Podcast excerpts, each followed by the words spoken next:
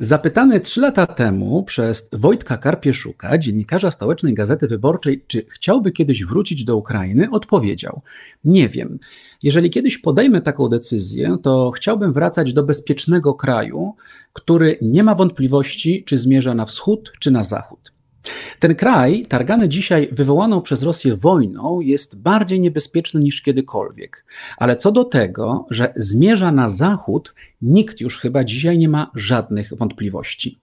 O tej niełatwej drodze, o Ukrainie i Polsce oraz oczywiście o społeczności LGBT, i tam, i tu porozmawiam dzisiaj z moim gościem, którym jest Slawa Melnyk, dyrektor kampanii przeciw homofobii.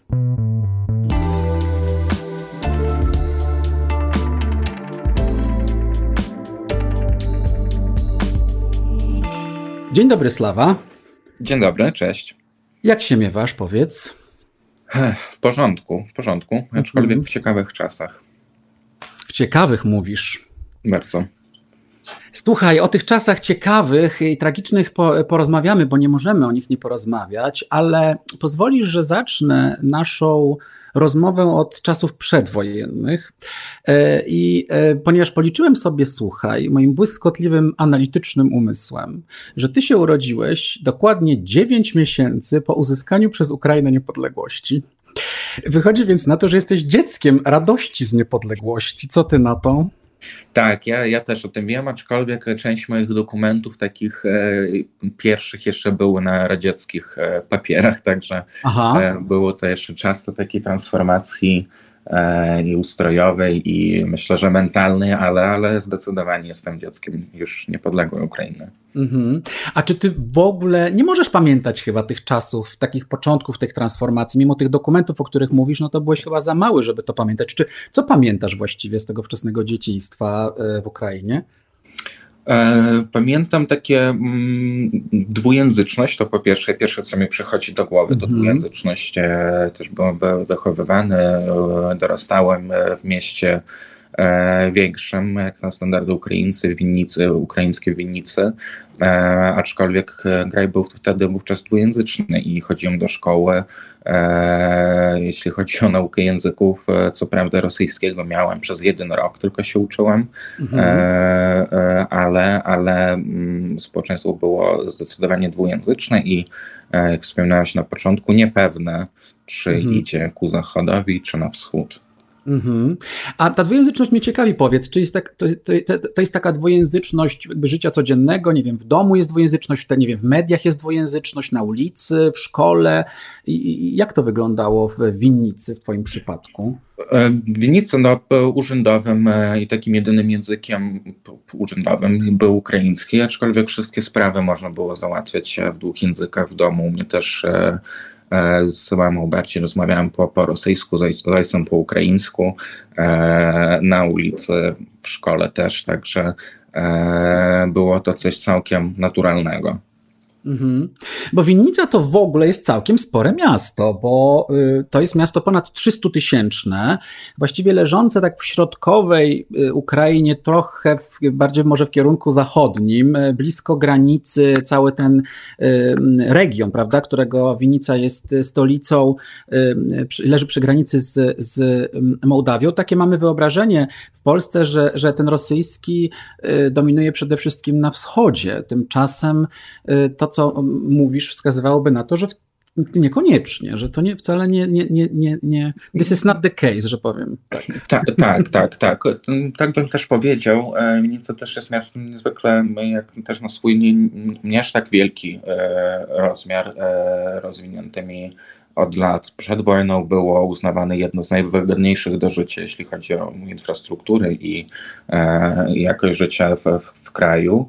Mm. Natomiast język nigdy nie był jakąś kwestią, czy to jeden czy drugi, a e, no, naturalnym jest, że na wschodzie bardziej się w takich domowych warunkach się posługuje rosyjskim, na zachodzie bardziej po ukraińsku, to tak taka jest prawda, albo taka była prawda kiedyś.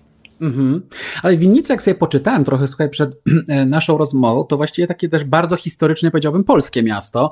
Te e, elementy, powiedziałbym, obecności polskiej no, są do dzisiaj w postaci dziedzictwa materialnego.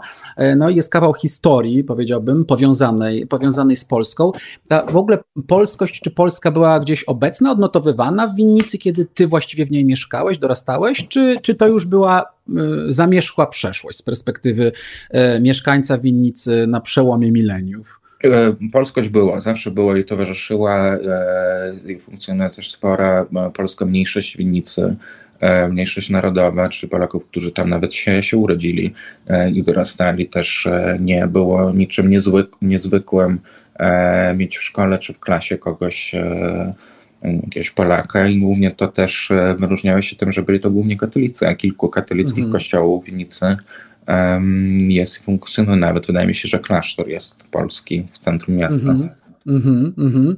A ten, ten polski to był wówczas dla ciebie y, jednak język zupełnie, zupełnie obcy, czy, czy też gdzieś trochę funkcjonował? Czy, czy polski to był język, który, którego się nauczyłeś już w Polsce? zupełnie polski, natomiast miałem e, w telewizji jeden kanał z polskim językiem i pamiętam, że w dzieciństwie oglądałem, zdarzało mi się e, kiepskich E, I nie, nie, za bardzo cokolwiek rozumiałem z tego, ale, ale zdarzało się oglądać kiepskich albo jakiś taki teleturnik, gdzie pan kręcił kółkiem i były jakieś statki. Jedyne co pamiętam. Oczywiście, no koło fortuny, oczywiście. Ja nie wiem, słuchaj, czy kiepscy to jest najlepszy sposób na nauczenie się dobrej polszczyzny, teraz sobie tak pomyślałem. No, nie, nie, nie uczyłem się wtedy, pooglądałem, zapomniałem i dopiero kolejną styczność miałem, jak przyprowadziłem się tutaj na studia. Mhm. Ale jeszcze zanim e, się przeprowadzimy do Polski, to ty właściwie co? Mieszkasz powiedz do, do 17-18 roku życia w Winnicy, tak? Do końca, żebym szkoły średniej. Tak, tak, tak, tak. Do 19 roku mieszkałem w Ukrainie. Mhm. I e, powiedz mi, bo mnie to ciekawi, do tego momentu, w którym ty wówczas jesteś, czyli co to jest rok 2009, prawda? Jak wygląda 19. gejowskie życie? 19, okej. Okay. Jak wygląda gejowskie życie? Um, nie, winnicy nie... wtedy, pamiętasz coś w ogóle, jakby, no właściwie jak twoje życie wyglądało jako geja w winnicy? To mnie ciekawi. Um, nie byłem wtedy wyoutowany, więc nie wiem mm. do końca, jak funkcjonowało to życie w winnicy, natomiast znanym, e, jak e, podróżowałem, tam, nie wiem, końcówka szkoły, e, byliśmy na Krymie, to pamiętam, że byliśmy też w takim mieście, które E, był uznawany wówczas i do, do czasu przed okupacją był uznawany za taką e, LGBT Mekkę e, Ukrainy w Krymie. Mm, tak. Symiis to miasto się nazywało. O, ciekawe, że to akurat, bo zawsze tak, jak rozmawiałem z, z Ukraińcami, którzy z, z, ze społeczności LGBT w Poznaniu, to, e, no to właśnie oni mówią, że to oczywiście głównie człowiek bierze do największych miast, nie? że tu Kijów jest e, Kijów takim ośrodkiem, ale no, Kijów, mówisz, Kijów że... też swoją drogą, tak, tak, wiadomo, mm. już nawet nie, nie, nie w tych kategoriach, ale tak myślałem bardziej o mieście takim nadmorskim. Aha, Czyli ty właściwie, y, gdybyśmy powiedzieli o włączeniu się w takie życie społeczności y, LGBT, to, mm, to zacząłeś w, w tej społeczności funkcjonować tak na dobrą sprawę dopiero po przeprowadzeniu się do Polski? Tak, tak. W Polsce na, na drugim roku, roku studiów, kiedy, kiedy miałem zrobić praktyki studenckie, to zdecydowałem, że zrobię w KPH. Mhm. E, wiesz, e, a propos tych moich rozmów z Ukraińcami, kiedyś też pisałem jakieś parę miesięcy temu tutaj do Poznańskiej Gazety Wyborczej e, tekst poświęcony no właśnie życiu społeczności LGBT w Ukrainie. No i to był taki obraz niezaciekawy, aczkolwiek też trzeba powiedzieć, że no, z perspektywy polskiej, Polska też prymuską, jak wiemy, mm. jest na samym końcu w Unii Europejskiej, e, ale jednakowoż no powiedzielibyśmy, że jednak ta sytuacja no jest e, lepsza społeczności e, LGBT plus u nas niż, niż w Ukrainie. Rozumiem, że ty masz przez cały czas, nie wiem, miałeś jakąś styczność, masz, nie wiem, jakichś znajomych, przyjaciół, którzy no, mieszkali w Ukrainie, nie wyjechali, są organizacje przecież LGBT również w Ukrainie. Jak to z twojej perspektywy to, to, to, ta sytuacja społeczności LGBT w Ukrainie wyglądała, czy wygląda. No dzisiaj jest, jest wojna, to jest jeszcze inaczej, ale do, do, do wojny. Jak, jak, jak ten obraz się przedstawiał według ciebie, jak, ta sytuacja społeczności LGBT w Ukrainie? Tak, tak z, ukra z ukraińskimi organizacjami to pracujemy cały czas i ciągle i też jak byłam w Kijowie, to często e, zdarza się spotykać i dowiadywać się jakby z pierwszych e, ust, co się dzieje i jak jest i powiem Ci, że społecznie to wygląda tak, że zbliża się bardziej e, w dobrą stronę i e, nie, może nawet bym się pokusił, że trochę lepiej niż w Polsce, w szczególnie większych miastach Ukrainy, e, jeśli chodzi o dostęp do, do rozrywek, do życia społeczności i tak dalej. Mhm. Prawnie wygląda to dosyć podobnie jak w Polsce nawet. Mhm. Ale jest to życie społeczności dosyć prężne w, w też w dużych miastach Ukrainy, jak w ostatnich latach e, marsze równości też e, odbywały się. Wydaje mi się, że w czterech dużych miastach. Oczywiście nie, nie bez protestów i problemów, ale mhm. były całkiem liczne, nawet liczniejsze powiedziałbym niż w Polsce 10 mm, lat temu. Mhm. Wiesz, większość moich rozmówców mówiła mi, że że właściwie w, w Ukrainie jest tak, zresztą w Rosji może nawet jest podobnie, że, że panuje taki, raczej takie podejście w domu pokryjomu. To znaczy, że mhm. jeżeli jest się osobą LGBT i jest się e, właśnie prywatnie, że tak powiem, nie wychyla się, coś co w Polsce nazywa się moim ulubionym słowem afiszowanie się. Tak. Krótko mówiąc, jeżeli nie wchodzi się w przestrzeń publiczną ze swoim byciem, e, ze swoją tożsamością e, i tak dalej, i tak dalej, to jest bardzo okej. Okay. Natomiast problem zaczyna się wtedy, kiedy kiedy, nasza społeczność, że tak powiem, próbuje y, zaznaczyć swoje istnienie w, w, w publicznym, y, no, publicznej sferze. Czy, mhm. czy, czy tak to widzisz? Zgadzasz się z tym? Zgadzam się i nie, nie, nie, nie za bardzo myślę, że tutaj granice państwa mają jakiekolwiek znaczenie. To jest uniwersalna rzecz, tak mi się wydaje. Mhm. No ale ona się zmienia, prawda? Na przykład, no nie wiem, no dzisiaj e, w, w, największych miastach w Polsce, no nie wiem, jeżeli, jeżeli, są jakieś kluby, organizacje, to one są, nie wiem, przy głównych ulicach, wiszą tęczowe tak. flagi, no więc w tym sensie myślę, że no jednak w Polsce ta sytuacja jest e, no lepsza, e, powiedziałbym, ale nie wiem, ale ty twierdzisz, jest. że nie ma jakichś wielkich, tak, tak wielkich różnic jest, jest, jest, jest lepsza właśnie pod względem tej widoczności, tak. Natomiast mhm. E, jeśli chodzi o takie mm, bycie i przybywanie, nie wiem, kręgi znajomych, to, to, mhm. to, to podobnie to wygląda. Mhm. Wiesz, jeszcze jedna rzecz a propos y, społeczności LGBT y, plus i, i, i Ukrainy przychodzi mi do głowy, mianowicie tak oglądam od jakiegoś, od jakiegoś czasu, od końca lutego, kiedy, kiedy śledzimy wydarzenia wojenne z Ukrainy, oczywiście widzimy Y, heroicznego mera Kijowa, prawda, który jednak, którego ja zapamiętałem sobie jako człowieka homofobicznego, na przykład jako człowieka, który zakazywał, będąc merem y, Kijowa, czy próbował zakazywać parad równości, co zresztą w polskich miastach również się do dzisiaj, y, do dzisiaj zdarza. Są tacy prezydenci i niekoniecznie nawet z którzy to robią, żeby choćby wypełni, wy, wymienić prezydenta Lublina. Jak ty patrzysz na te, na te przemianę, no właśnie na przykład postaci, która jeszcze niedawno mogła być właściwie kontrowersyjna, czy z punktu widzenia mhm. społeczności LGBT, była uważana za homofoba, mhm. prawda? A dzisiaj w związku no, z sytuacją wojenną no, no, wyrasta oczywiście, co jest też naturalne w jakimś sensie, na, na takiego lidera, którego, za którym wszyscy podążają. Jak, y, jak, jak, jak patrzysz na to?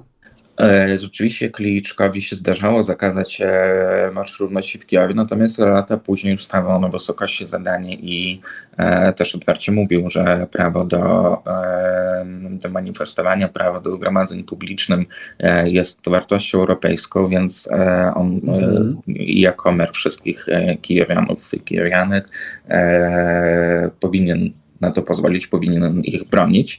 I e, co ciekawe, już będąc w takim antagonizmie do Rosji, e, to bardzo myślę, że ciekawy będzie się odbywał e, taki trend, że homofobia jest utożsamiana z Rosją. Teraz z Rosją chcemy mieć jak najmniej wspólnego, a więc równość wobec prawa powinna być uniwersalną wartością całej Ukrainy. No to jest bardzo ciekawe, co powiedziałeś, bo, bo rozumiem, że to będzie teraz ta część tego marszu na zachód. To, o czym powiedziałem, nawiązując do Twojej y, wypowiedzi w gazecie dla, dla Wojtka Karpiszuka, bo no właśnie o, o, o, o tyle, o ile mm, mogliśmy mieć wątpliwości co do tego, w, w którą stronę i która część Ukrainy chciałaby wędrować, to zdaje się, że dzisiaj rzeczywiście tych wątpliwości nie mamy i nie ma ich i Unia Europejska, y, chociaż oczywiście to nastawienie jest róż, różne w różnych, w różnych krajach. Y, no, w Polsce naturalnie to poparcie dla, dzisiaj dla Ukrainy w Unii Europejskiej jest ogromne, jak widziałem ostatnie mhm. badania opinii publicznej, ale też no, w reszcie krajów oczywiście nie tak duże, czym bardziej na zachód, tym ono jest mniejsze, ale jednak y, zdaje się, że coś ta wojna w tej kwestii zmieniła. I pamiętam też, że różne rzeczy, które zmieniały się w kwestii społeczności LGBT w krajach byłego Związku Radzieckiego, było bardzo często wymuszane przez społeczność międzynarodową. Tak było na początku, kiedy Ukraina ogłosiła swoją niepodległość, ale też tak było z Rosją, kiedy na przykład Rada Europy albo Unia Europejska próbowała wymóc na przykład zniesienie praw e, kryminalizujących mhm. homoseksualność i tak dalej i to działało. Rozumiem, że dzisiaj to będzie, to musi być właściwie już integralna część tego kroczenia na zachód, to co powiedziałeś, że, że to w sposób zasadniczy, miejmy nadzieję, że wojna się jak najszybciej skończy, że to w sposób zasadniczy może rzeczywiście zmienić jakby w ogóle pozycję społeczności LGBT w Ukrainie. Patrzysz, rozumiem, na to teraz z, z nadzieją. Tak tak, te, te też jestem pod tym względem e, optymistyczny. Też e, docierają do mnie i z ukraińskich mediów, i, i tutaj czasami się zdarza w polskich zobaczyć historię e, LGBT żołnierzy i żołnierek, które -hmm. walczą no, ramię w ramię z ich heteroznajomymi wojskowymi. Powstała też Stowarzyszenie LGBT wojskowych w Ukrainie, także ta widoczność w tym kontekście też jest kluczowa, że e, e, łączymy się niezależnie od tego, skąd pochodzimy, kim jesteśmy, łączymy się przeciw okupantowi i mamy wspólny cel. Po pierwsze obronienie kraju, po, po drugie obronienie naszych wartości, które właśnie są zakorzenione w tej, w tej jedności i poszanowaniu godności każdego człowieka. Mhm. Do Ukrainy jeszcze wrócimy, bo chciałbym Cię zapytać o tę mm, bieżącą w tej chwili pomoc czy współpracę z, z organizacji LGBT w Polsce i w Ukrainie, ale na chwilę chciałbym e, zostawić wojnę i zapytać Cię o Twoją dalszą drogę, bo Ty e, zdecydowałeś się, e, o czym powiedzieliśmy, przyjechać do Polski na studia. No i pierwsze pytanie, które przychodzi mi do głowy, to właściwie dlaczego przyjechałeś na studia do Polski, a nie studiowałeś nie wiem, czy jest uczelnia w Winnicy, no ale są inne miasta, do których ukraińskie, do e, których można pojechać studiować, a ty wybrałeś Warszawę, jak rozumiem, to był twój kierunek. tak, e, Z tak. jakiego powodu powiedz?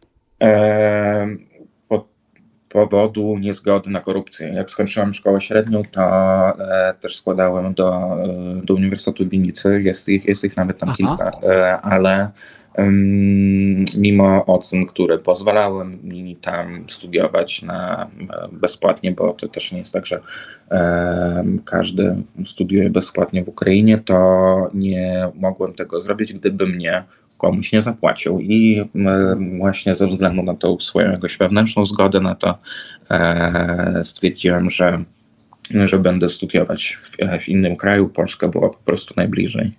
Mhm. I, I co ty studiowałeś stosunki międzynarodowe, tak? Na, na tak, tak. Uniwersytecie tak. Warszawskim czy na jakiejś innej uczelni? To było na uczelni Łazarskiego, stosunki międzynarodowe. Łazarskiego. Y, no i jak z tym polskim? To było, y, to było y, błyskawiczne nauczenie się polskiego po przyjeździe do Warszawy?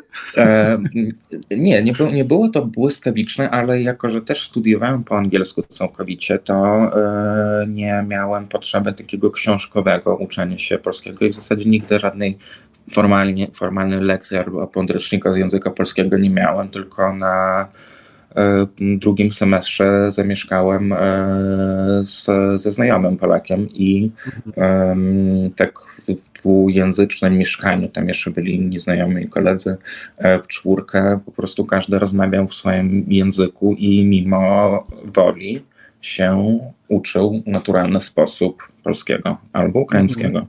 Mhm, czyli nauka w praniu, krótko mówiąc. Dokładnie.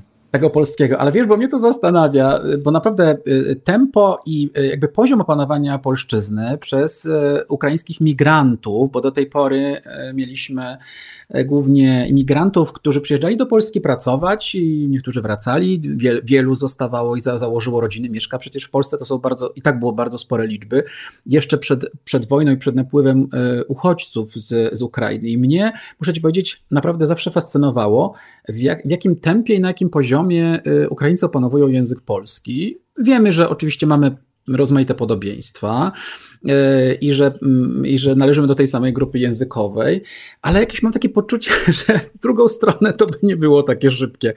Y, co jest naturalny, słuchaj, talent językowy Ukraińców, z jakiego powodu Ukraińcy opanowują Y, jakim cudem opanowują tak szybko i tak sprawnie polszczyznę? Gdzie jest tajemnica, słuchaj, ja chcę wiedzieć. Ja myślę, że tajemnica jest w tym, że e, większość e, Ukraińców e, już od startu jest dwujęzyczna, więc łatwość w przyjmowaniu kolejnego języka w środowisku naturalnym z nosicielami języka jest po prostu łatwiejsze i naturalniejsze. Każdy w różnym stopniu i do różnego tam poziomu dochodzi, wiadomo, ale mhm. e, im, im bardziej przebywasz w środowisku nosicieli języka i e, masz w mózgu jakoś zakładowany te ścieżki no, e, przyzwyczajenia się do więcej niż jednego języka, to każdy kolejny w tych warunkach e, może być łatwy. To jest taka moja domorosła teoria. No, no mnie powiem Ci nawet przekonuje. Rzeczywiście nie pomyślałem o tym, że o tym, o tym przebywaniu właściwie w wielojęzyczności od początku, która, która tutaj może uruchamia właśnie te, te, te elementy, te części mózgu, które odpowiedzialne są za język i być może rzeczywiście to, e, to co mówisz jest, e, jest, jest prawdziwe. A powiedz, czy, e, czy Twoje wyobrażenie w ogóle mieszkania w Polsce czy Polski po Twoim przyjeździe jakby pokrywało się z tym, co spotkałeś, przybywszy do Warszawy lata temu? E, w większości tak, jakoś, e, mimo że z obrazków e, to Polska była mi wcześniej przedstawiana jak, jako kraj kościołów, to rzeczywiście Aha. tak jest, ale te kościoły nie są no, wszędzie, powiedzmy tak, że mhm. mieszkam na, na Pradze Północ, to nie jest tak, że w każdym podwórku jest kościół i wygląda wszystko jak starówka w Krakowie, ale, ale no mimo wszystko to e, wiadomo było, że kraj w, w, Unii Europejskiej będzie miał lepszej jakości drogi, na przykład takie jakieś prozaiczne rzeczy i to się sprawdziło. Aha, to jest ciekawe, bo to jest rzeczywiście pierwsze skojarzenie. Wielokrotnie słyszałem tę historię o tym, że pierwsze skojarzenie z Polską to jest przede wszystkim, że to jest super, duper katolicki kraj i że ten katolicyzm to jest takim skojarzeniem. Ale też pamiętam, jak kiedy rozmawiałem zresztą do y, Woga z y, może rok czy dwa lata temu y, z Saszą Prawalińskim, który z kolei jest Białorusinem, no już dzisiaj też obywatelem Polski, który lata temu przyjechał również na studia do Polski, dzisiaj jest wziętym scenografem, pracującym z najznakomitszymi twórcami teatralnymi, to mówił, że na przykład z punktu widzenia Mochylewa, z którego on pochodzi, to mówi Warszawa, że to był po prostu Nowy Jork. E, I oczywiście się trochę z tego śmialiśmy, ale, ale ciekawi mnie to wyobrażenie rzeczywiście Polski i z perspektywy wschodniej, potem zderzenie się z tym, z tym obrazem. Nie? Mhm. Tak, to z perspektywy winnicy to Warszawa jest owszem Nowy Jork, ale, ale już e, jak e, bywałem, bywam w Kijowie, to, to nie wiem, które miasto jest bardziej Nowy Jork. Mhm, mhm, mhm. A powiedz, jak, jak wpłynęło właściwie na Twoje życie ta, ta, ta, tak liczne przy, przybywanie już od kilku lat Ukraińców do, do Polski, tak liczna diaspora ukraińska? No, najczęściej w największych polskich miastach, no w Warszawie bardzo duża. To jakoś, jakoś na, na, na Twoje życie wpływało taka, taka spora ilość rodaków na, na ulicach, ten ukraiński, który słyszeliśmy coraz częściej, e, Ukraińcy, którzy pracują w wielu miejscach, spotykamy się, nie wiem, w knajpach, w sklepach i tak dalej, i tak dalej. Czy to jakoś, na, czy, czy to jest fajne, czy to czy niekoniecznie? Jak, jak to wygląda z Twojej perspektywy, ta, ta, ta obecność liczna ukraińska w Polsce w ostatnich latach? No myślę, że to jest fajne, ciekawe. Jak, na, jak jeszcze na początku studiów, to jak e, usłyszę na ulicy albo w sklepie ukraińskim, to pamiętam, że się zagadywało o fajnie, skąd jesteś, a po latach to tyle spowszedniało, że nie, nie, nie robi już e, żadnego takiego wrażenia po prostu naturalnie przechodzimy na swoje języki, w jakimś sklepie, na przykład w restauracji, w knajpie i tak dalej, przechodzimy na swoje języki i robimy te rzeczy, które robilibyśmy inaczej po polsku, i, tylko że zmieniamy język, więc mhm. to bardziej w tym kontekście spowszedniało być może, albo jest bardziej naturalne. Mhm. A czy ty y, y, spotkałeś się, czy spotykasz z, mm, z niechęcią y, w Polsce w związku zarówno swoją ukraińskością, ale również w związku z tym, że jesteś gejem? Jak to wygląda w twoim przypadku, powiedz? Mm, wiesz co, zdarzało się słyszeć jakieś niefajne komentarze, jak na przykład ze znajomymi jechałem tramwaj i rozmawialiśmy po mm. ukraińsku, ale od, ale to było dawno temu, od, od, od lat już e, nic takiego mnie nie spotkało i pamiętam, że to wydaje mi się był jakiś taki okres jakiejś wzmożone debaty publicznej, roztrząsywanie historii UPA, Bandery i co Wołyń, tam mhm. co tylko nie było. I wtedy rzeczywiście kilka takich sytuacji niechęci zdarzało i nie tylko jakby w bezpośrednim kontakcie na ulicy, ale też w debacie publicznej, e, że Ukraińcy to zło i tak dalej, ale od lat nie, nie, nie spotykam się z, z, z żadną taką, taką reakcją. Mm, a jeśli chodzi o homofobię, no to zdarzało się kilka razy po powrotach e, do domu z klubów e, być zaczepianym, czy tam jakieś próby E, bujek i wywołanie awantury, ale e, po pierwsze COVID trochę ograniczył nam to wychodzenie z domu i już to nie, nie szczególnie się zdarza, a mm, no, też przebywam głównie w Warszawie, gdzie to może e, nie jest najbardziej niebezpieczne miasto w Polsce, jeśli chodzi o widoczność osób LGBT i co się z tym wiąże, reakcje niefajnych ludzi. Mhm. No i słuchaj, w 2000, co to był 2011 rok, kiedy postanowiłeś e, e, przybyć, zapukać do drzwi kampanii przeciw mhm. homofobii, tak. E, no to mamy już no, ponad dekadę.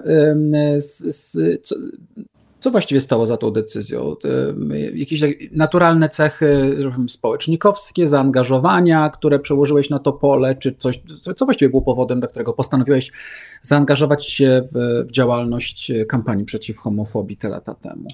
E, myślę, że tak, jakieś e, naturalne ciągnoty oraz to, że to był jakiś taki okres, kiedy E, Roberta Biedronia pobili na jakiejś demonstracji, wydaje mi się, że mhm. 11 listopada, a teraz nie jestem pewien.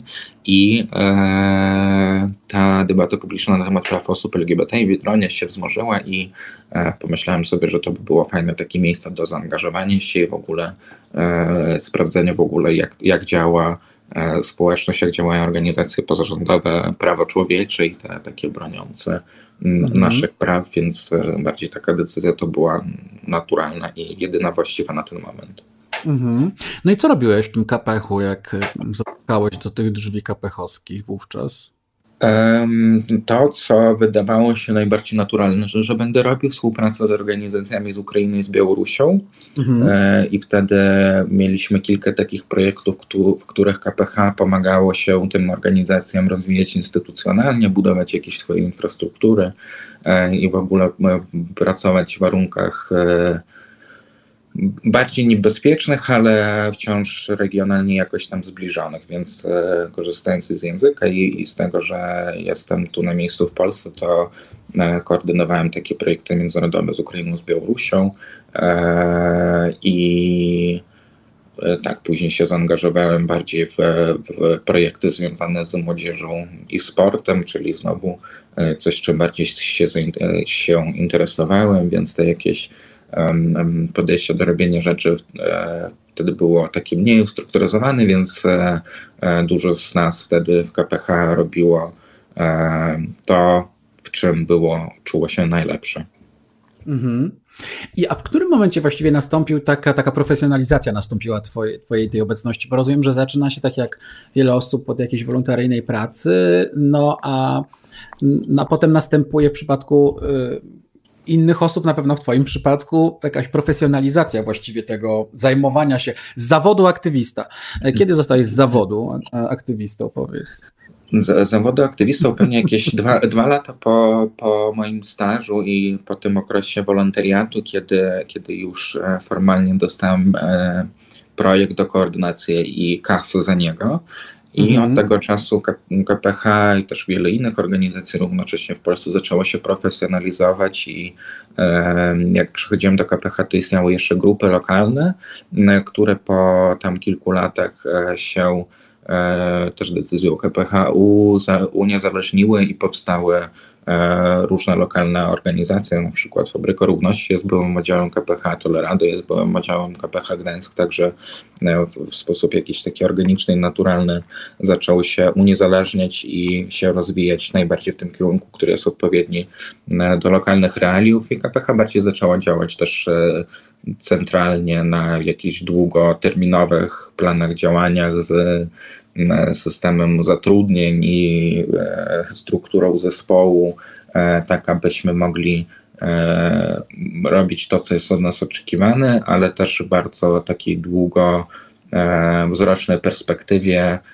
z jakimś konkretnym dążeniem do jakichś celów, a nie dorywcze jakieś projekty kilkuletnie, które się pojawiają, się kończą, ludzie wobec tego odchodzą i traci się ten potencjał, który się wypracowywało mi.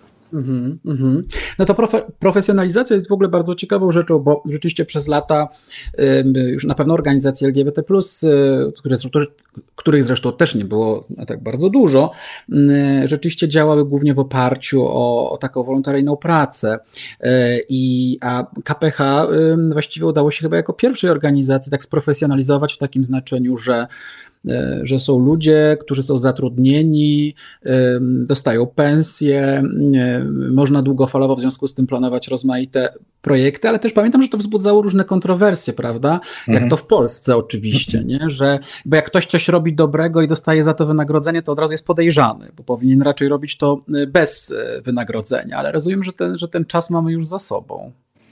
Mm, tak, to, to, to też jest tak, że to nie, e, to jeśli ktoś działa na jakichś wolontaryjnych zasadach, nie od razu znaczy, że robi to w jakiś sposób gorzej czy, czy inaczej, bo e, różne podejścia można mieć i też organizacje, które działają na zasadach wolontariatu, to E, też prężnie działające organizacje, tylko naszą jakąś, naszym podejściem było do tego, nasze podejście było do tego takie, że e, jeśli chcemy człowieka utrzymać i jego doświadczenie i wiedzę, którą wypracujemy mm. działając w tej branży albo w jakimś konkretnym, konkretnej działce, nie wiem, rzecznictwie na rzecz osób LGBT albo e, pomocy prawnej osobom LGBT, to to powinniśmy też dbać o to, żeby e, to było mm, stabilne i długofalowe, a za tym idzie zatrudnienie i kasa, z którą można żyć, więc zawodu aktywisty wiadomo jest tematem e, kontrowersyjnym, ale też ma za sobą to, to, to myślenie takie, że no skoro poświęcamy tem, temu cały dzień roboty, to chcemy za to też wynagradzać odpowiednio i e, z drugiej strony myśleć o tym, że to wynagrodzenie musi skądś pochodzić, więc rozbudowywać albo mm, e, mm, wsparcie e, instytucjonalne od różnych organizacji, albo wsparcie od indywidualnych ludzi, czy to przez zbiórki, czy przez stałe zaangażowanie w, w, w przelewy terroryzmu. Mm -hmm. Kampania przeciw homofobii y, 20 lat ma za sobą, nawet z, z, okładem, bo została założona w 2001 roku, no to już jest e, szmat czasu. Jak patrzysz na te 20 lat, to jakbyś miał to podsumować, to, to co by się znalazło na liście najważniejszych osiągnięć, a, a co by było na liście największych wyzwań? To w zasadzie pierwsze, co przychodzi do głowy, to e, trudność z ruszeniem czegokolwiek, jeśli chodzi o prawo i w jaki mhm. sposób jest e, ono stosowane. Natomiast zmiany społeczne jest, jest, jest ogromna w ciągu tych e, lat, szczególnie ostatnich kilku lat. Absolutnie nie jest tak, że to jest tylko i wyłącznie zasługa, zasługa KPH, wiadomo, bo w międzyczasie masy innych organizacji powstawało, ale jak popatrzymy nawet na 6 lat temu i ile marszy równości było organizowanych w Polsce i ile było organizowane rok przed COVID-em, to jest kolosalna różnica i ta, ta widoczność zdecydowanie się zwiększyła E, to prawda, nawet mieliśmy marsze w, miast, w miastach, e, których byśmy nigdy nie podejrzewali o to, że te marsze się w nich odbędą. To rzeczywiście Dokładnie. coś niezwykłego. Mhm. Dokładnie. E, też ilość osób wyautowanych w sferze publicznej też zwiększa się i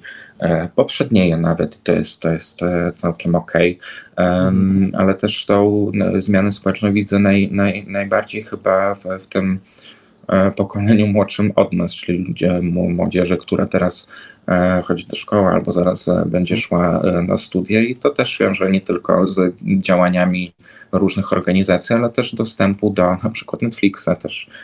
I, no, oczywiście oni mają 180 seriali queerowych na Netflixie i na wszystkich innych platformach, które wkraczają do Polski. To jest zupełnie jednak inne funkcjonowanie, nie? Kiedy, tak kiedy ten temat jest. Ja pamiętam przecież, kiedy ja byłem nastolatkiem, to nawet nie było takiego tematu w sferze publicznej e, właściwie, jak, e, jak sprawy LGBT i tak dalej. To wiesz, to były czasy po prostu Stevena, który był gejem w dynastii, nie?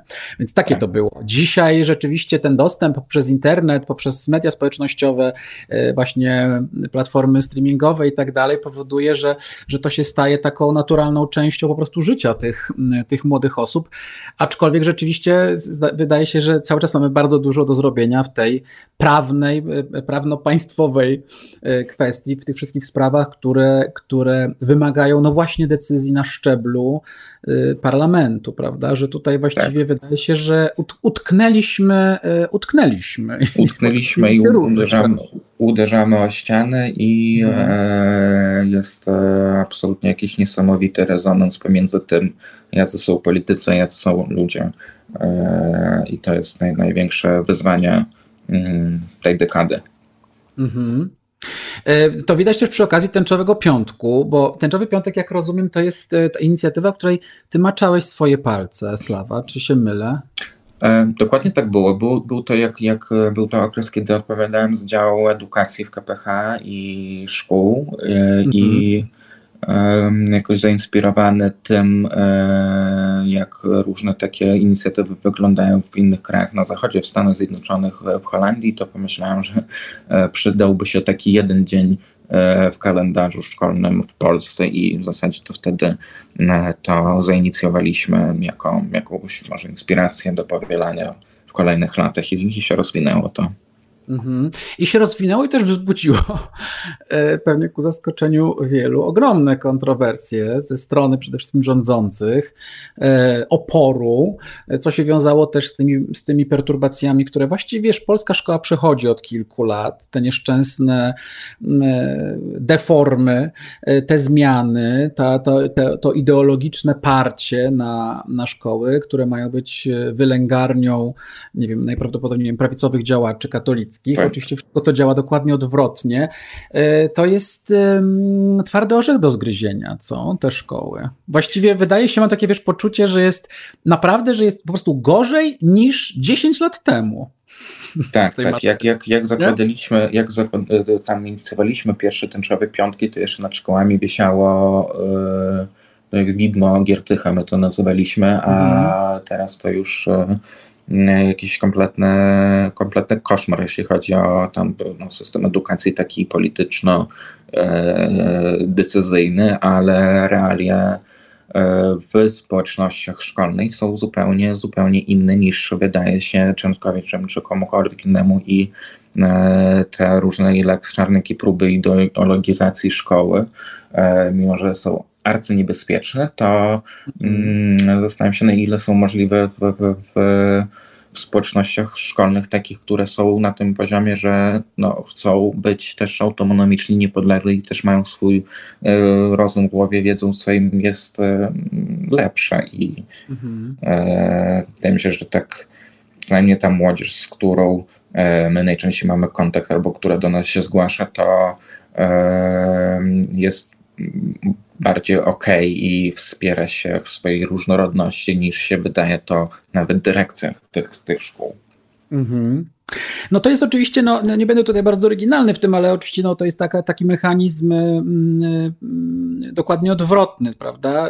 To, co się dzieje w szkołach, czyli ten napór ideologiczny na te szkoły powoduje to, że ci młodzi ludzie są jeszcze bardziej wrogo nastawieni tak, do tego, co próbuje zrobić władza, aczkolwiek oczywiście to jest pytanie o, też o koszt, prawda, tego, bo wyobrażam sobie, że nie wszyscy są mm, tacy przekorni, nie wszyscy są tacy zadziorni i że są y, mhm. osoby szczególnie bardzo młode, które, które nie radzą sobie z tym, prawda? Które wpadają w depresję, które nawet popełniają samobójstwa i, i to jest oczywiście długofalowo, pewnie mamy wszyscy takie poczucie, że, że, że być może nawet Czarnek przysłuży się nieco w tej kwestii naszej społeczności, właśnie na zasadzie odwrotności. Tak, tak, tak. Natomiast e, tutaj jest pytanie o ten koszt, nie? Właśnie, no bo no właśnie wszyscy są tacy silni.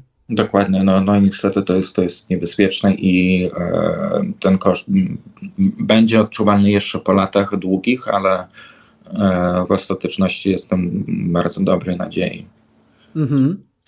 No i w 2018 roku, mój drogi, zostałeś dyrektorem kampanii przeciw homofobii i co wznosiłeś e, toast dobrym szampanem z tej okazji. e, tak, tak, tak, tak. To, to już e, brzmi jak kilka lat temu, strasznie szybko ten czas leciał, ale e, tak się wydarzyło, że ówczesny dyrektor Haber e, wyemigrował do Brukseli, do ILGA Europe, czyli takiej parasolowej organizacji LGBT w całej Europie i Azji, stanowisko dyrektora finansowego, więc E, się ja zgłosiłem e, do rekrutacji i zostałem dyrektorem. Mhm. I byłeś zaskoczony, czy nie byłeś w ogóle zaskoczony tym, że zostałeś wybrany? Mów, eee, mów. Za, za, hmm, zaskoczony, bo myślę, że to, co w jakiś tam e, sposób jest, mm, znaczy bycie w grupie mniejszościowej powoduje mhm. to, że często myśli, że nie zasługujesz na coś, prawda? E, mhm. Taki pokłosie stresu mniejszościowego albo generalnie dorastania w, w, w, w grupie no, mniejszości, e, że wydaje się, że zasługi są nie są twoje, więc zaskoczony byłem, tak krótko odpowiadając, ale um, póki jestem, to e, chyba znaczy, że jest w porządku w miarę.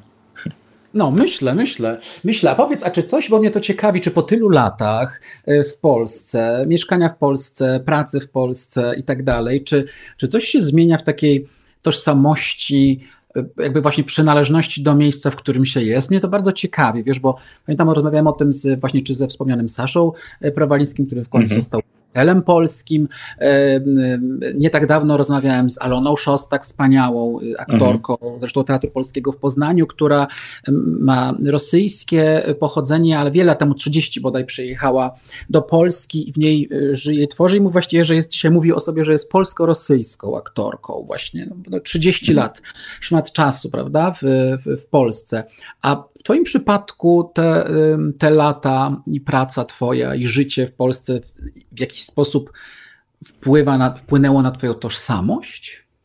Mm, tak, ale raczej postrzegam to jako kolejna warstwa tożsamości, czyli czy jestem mm -hmm. Polakiem, to nie wiem na tyle, na ile jestem warszawiakiem albo mieszkańcem Pragi e, Północy i bardziej takie tożsamiam się z mniejszymi ojczyznami, natomiast mm -hmm. e, ta ukraińska tożsamość to, to, to zawsze przy mnie jest i e, zawsze będzie. Polska część to już jedna trzecia życia swojego to mieszkałem e, tu w Polsce, to, to zdecydowanie też tak e, mm, jest, więc, więc te tożsamości ze sobą się przenikają i e, się łączą w sposób naturalny i to też mega doceniam. Mhm. I w 2019 roku zostałeś wybrany do zarządu ILGA Europe, wspomnianej organizacji, czyli International Lesbian and Gay Association Europe, bardzo ważnej właśnie parasolowej organizacji. Czy ty, powiedz Slawa, jesteś w dalszym ciągu w tym, e, w tym, w tym zarządzie, bo nie wiem, jak długo trwa kadencja. Mm, kadencja trwała, trwała dwa lata, więc mi się skończyła e, jakiś czas temu, ale, mhm. ale tak, tak. I co to było za doświadczenie, to bycie już w tym no, bardzo, bardzo międzynarodowym e, towarzystwie z punktu widzenia Ukraińca, który właściwie przybył do Polski, żyje mhm. i kieruje y, prominentną organizacją LGBT plus w Polsce, który jest w zarządzie e, właściwie paneuropejskiej organizacji. Cóż to za doświadczenie, powiedz? Mm, niezwykle wspaniale, bo da, da, da, dawało i daje taki dostęp do spojrzenia z lotu ptaku, jak sytuacja osób LGBT wygląda w, w naszej części świata. E, mhm. takie łączenie różnych doświadczeń, w różnych krajach, dostrzegania podobieństw i różnic pomiędzy tym, jakim, z jakimi wyzwaniami spotyka się społeczność, powiedzmy w Węgrzech, Polsce, e, Rumunii i na ile to jest podobne do tego, co się dzieje w Bułgarii i e, śledzenie i zastanawianie się nad strategiami działania w, e, w takim kontekście narastającego ruchu e, fundamentalistycznych organizacji typu Ordo Juris dostrzeganie, że w wielu innych miejscach to wygląda dokładnie tak samo, jak wygląda w Polsce, e, mhm. w sensie w innych krajach, więc e, to, to dostęp do takiej wiedzy, informacji do ludzi, którzy tym się zajmują, był niezwykle e, fascynujący. Mhm. E, zaczęliśmy od Ukrainy i może skończmy na Ukrainie, bo chciałem Cię na koniec zapytać o e, tę pomoc, bardzo konkretną pomoc, e, która, która jest niesiona ze strony społeczności LGBT w Polsce. Właściwie wszystkie organizacje mhm. queerowe w Polsce się w tę pomoc w sposób różnoraki zaangażowały, pomagają i poprzez przyjmowanie uchodźców i, i, i czy noclegi, czy mieszkanie, czy wsparcie psychologiczne, to jest też wsparcie natury, powiedziałbym, medycznej, na przykład w przypadku osób transpłciowych, prawda, czy interpłciowych, mhm. które raptem są pozbawione na przykład recept, lekarstw, hormonu, które muszą przyjmować i tak dalej, i tak dalej. To są też takie problemy, z którymi no właśnie mierzy się w szczególnym stopniu nasza y, społeczność i, i kampania przeciw homofobii również y, naturalnie bierze w tym udział. No i jeszcze z, z, dyrektorem, który, y, który jest Ukraińcem, więc ma, jak mnie mam o wiele, o wiele lepsze rozeznanie i możliwości też chociażby językowe czy kontaktu mhm. niż, niż większość. Mhm. Powiedz na koniec, jak, jak ta pomoc wygląda i jakby y, właściwie gdzie ktoś, kto chciałby pomóc, powinien się w tej sprawie zgłosić? E, tak, to pierwszym takim e, źródłem informacji, jak, jaka pomoc w ogóle jest dostępna, jest e, na stronie ukraina.paradorówności.eu i właśnie tam zebrane są wszystkie inicjatywy prowadzone przez mhm. ponad 40, wydaje mi się, organizacji, gdzie ludzie LGBT mogą zgłosić się po pomoc, przybywający do nas tutaj, albo ci mieszkający też w Ukrainie. I jeśli chodzi o tą pomoc, to w takich w dużych e, ogółach to jest pomoc ze znalezieniem mieszkań, gdzie mm, różne organizacje, KPH, Stonewall na przykład, e, też świetnie to ma rozbudowane takie łączenie ludzi poszukujących mieszkania z ludźmi, którzy oferują miejsce pobytu. W KPH też prowadzimy mm, akcje informacyjne właśnie z plakatami, z tą stroną, gdzie osoby LGBT mogą uzyskać pomoc na granicach i w punktach recepcyjnych, czyli w pierwszych takich miejscach kontaktu, a z takim moją e, ukraińskością i to, że jestem dyrektorem, to najbardziej jestem w kontakcie z, z organizacjami, które działają w Ukrainie, którym ta pomoc teraz jest, jest niezwykle potrzebna. To są takie organizacje Kiev Pride, Inside, Charków Pride, czy e, organizacje osób transpłciowych działające w Ukrainie. E, także jesteśmy z nimi stale w kontakcie, monitorujemy te potrzeby, czy to takie rzeczowe, co jest, co jest potrzebne mm -hmm. z mhm. e, materiałowych rzeczy i to są różne, naprawdę różne e, leki, e, ale też kamizelki kuloodporne i hełmy, e, a e, oraz e, pomoc finansowa dla nich, którą m, mm, też będziemy rozbudowywać w następnych tygodniach. A widziałem też na Facebooku, że robiłeś zbiórkę dla bodaj swojego kolegi z klasy, jeśli dobrze pamiętam, na, mhm. na jego wyposażenie. E, to jest niesamowite, jaki, jaki jest odzew, prawda, wśród ludzi, właściwie taki natychmiastowy, no i taki wzruszający, jakiś niezwykły, wspaniały gest, że kiedy, kiedy pomaga się bardzo konkretnej osobie, tak. E, zaskoczony byłeś, widziałem to tym, jak szybko udało się to wszystko zebrać i skompletować. A, a, absolutnie tak. Później jeszcze pomimo kolegi, to jeszcze wujkowi w obronie terytorialnej Kijowa e, udało się zebrać na kamizelkę, więc już trochę zacząłem się martwić, że tu tyle kasy dostałem nagle na konto, mhm. że nie będę mógł. Kilka razy mi ukraiński zresztą bank zablokował kartę, bo podejrzany operacji potraktował to. Ale, ale ten nadzór naprawdę był niesamowity. Kilka minut jest gotowe. Mm, teraz z mhm. kolei jeden dzień e, już w takiej większej grupie znajomych się zaangażowaliśmy, no, uzbieraliśmy na dwa samochody, jeden do Kijowa, drugi do Krzywego Rogu, e, miasto na wschodzie Ukrainy i w, w ten weekend mm, e, siostra mojego przyjaciela będzie właśnie te samochody transportować tam, bo jako mhm. kobieta wiadomo może przekraczać granice w obie, w obie strony. Mhm. No, miejmy nadzieję, że e, wszyscy na to bardzo liczymy, że, e, że, że ta wojna się czym prędzej skończy i że e, Ukraina będzie mogła, znów wracając do tej wypowiedzi Twojej, od której zacząłem, że Ukraina mhm. będzie mogła wówczas żwawo kroczyć już w, w tym zachodnim kierunku i dołączyć krótko mówiąc, do Unii Europejskiej, czego nam wszystkim bardzo życzę. Slawa, bardzo Ci dziękuję za tę rozmowę. Bardzo, bardzo dziękuję i życzę tego samego nam wszystkim. No właśnie, życzymy sobie wszyscy tego samego dzisiaj. Sława Melnyk, kochani, był y, moim i y, waszym gościem. Bardzo dziękuję za tę rozmowę raz jeszcze, a osoby nas słuchające zapraszam oczywiście na kolejne queerowe podcasty z cyklu Open Mic i wiele innych podcastów, które można znaleźć na stronie vogue.pl. A ja się nazywam Mike Urbaniak i mówię wszystkim do usłyszenia.